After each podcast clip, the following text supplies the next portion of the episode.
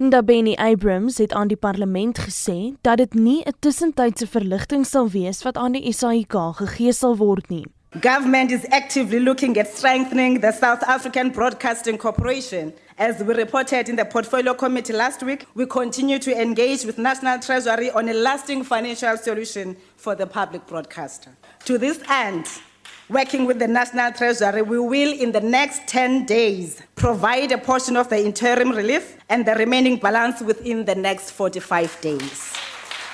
However, this is subject to the SABC meeting all the set conditions and requirements. In this regard, we will work with the Minister of Finance towards an institutional mechanism to support the turnaround effort, and this includes the appointment of the CR. Stella Ndebeni Abrams sal gereeld die kommunikasiekomitee in die parlement op hoogte moet hou oor die vordering met besprekings om die SAIK se finansiële krisis op te los.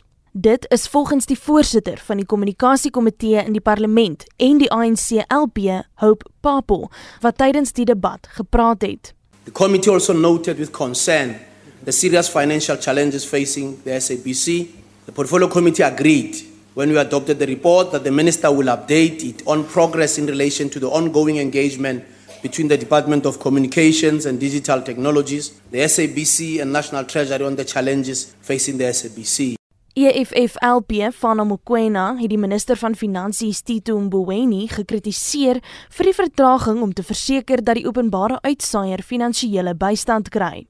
You must tell the Minister of Finance, but also Kamana Natif is not going to finance that SABC. It's extremely important that he finances it. Now, we know that the reason why he's using the turnaround strategy as a, as a scapegoat, as a reason not to finance the SABC, is because we understand his attitude towards SOEs. But the, the SABC is an extremely important pillar of our democracy, so it has to be financed. Even before those timelines that you were mentioning, and you, give, you give a proviso that if they meet certain uh, uh, functions, then um, uh, they'll be financed. The SABC must be financed, man.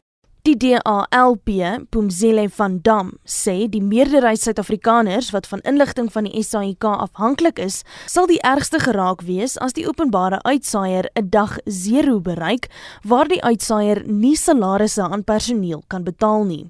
This is a heartfelt plea I make on behalf of those people of our country who do not have money for Netflix, Show, Showmax, or DSTV, and in some cases do not own TVs and only have radios. You know that the majority of South Africans rely on the SABC's radio and TV stations.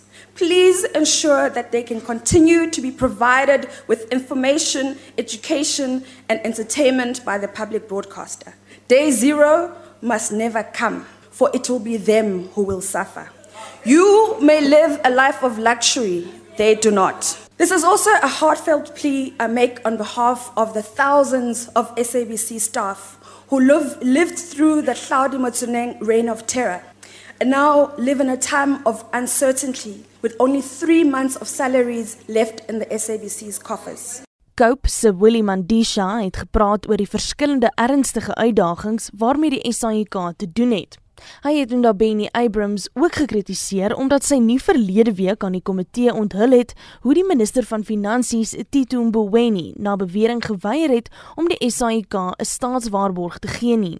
Now, there are other very serious problems there.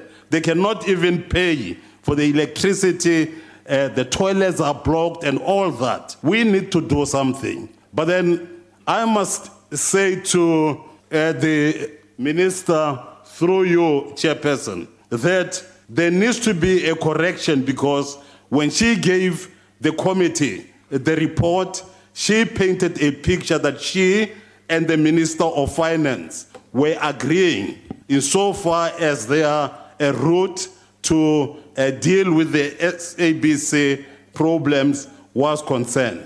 Die adjunkminister van kommunikasie en digitale tegnologie, Pinky Kekana, het die SAIK raad en werknemers geprys dat hulle die openbare uitsaaier aan die gang hou ten spyte van sy finansiële uitdagings. We are truly indebted to the board, the management, and the staff of the SABC who have continued to steer the ship through stormy seas which were not of their own doing.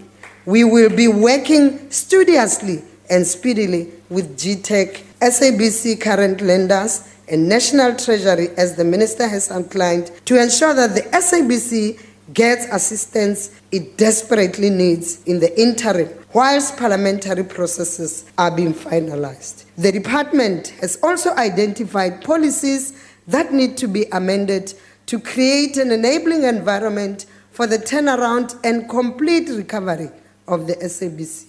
En dit was die adjunkminister van kommunikasie en digitale tegnologie, Pinky Kekana. Die verslag is saamgestel deur Mercedes Besent en ek is Annelie Leroux vir SAK nuus.